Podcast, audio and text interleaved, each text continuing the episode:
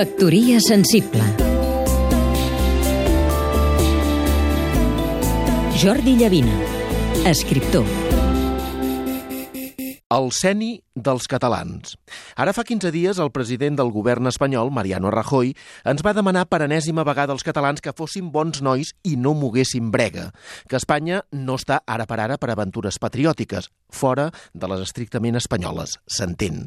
Llavors, en una entrevista radiofònica, Rajoy va apel·lar al seni dels catalans, que no és un concepte nou, sinó la manera que té el president espanyol de pronunciar una paraula típicament catalana que representa un comportament que se'ns associa per tradició als habitants d'aquest país.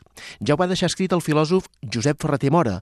Les formes de la vida catalana són quatre, la continuïtat, el seny, la mesura i la ironia. I jo diria que entre aquestes quatre, el seny és la més reconeguda del tarannà català, la més universal, si és que puc parlar sense que ningú em titlli de nacionalista furibund ni de xovinista, respectivament, d'un tarannà català i d'universal en referir-me a alguna cosa nostra. Segons diuen, Rajoy, que és gallec, no fa servir mai aquesta llengua, tampoc no sap estudiar, que és una llengua veïna, ni anglès, que és la llengua global. Xampurreja el francès. És a dir, no és un home dotat per als idiomes. Unamuno, fa més d'un segle, considerava que un espanyol havia de, si més no, poder llegir bé totes les llengües de l'Estat.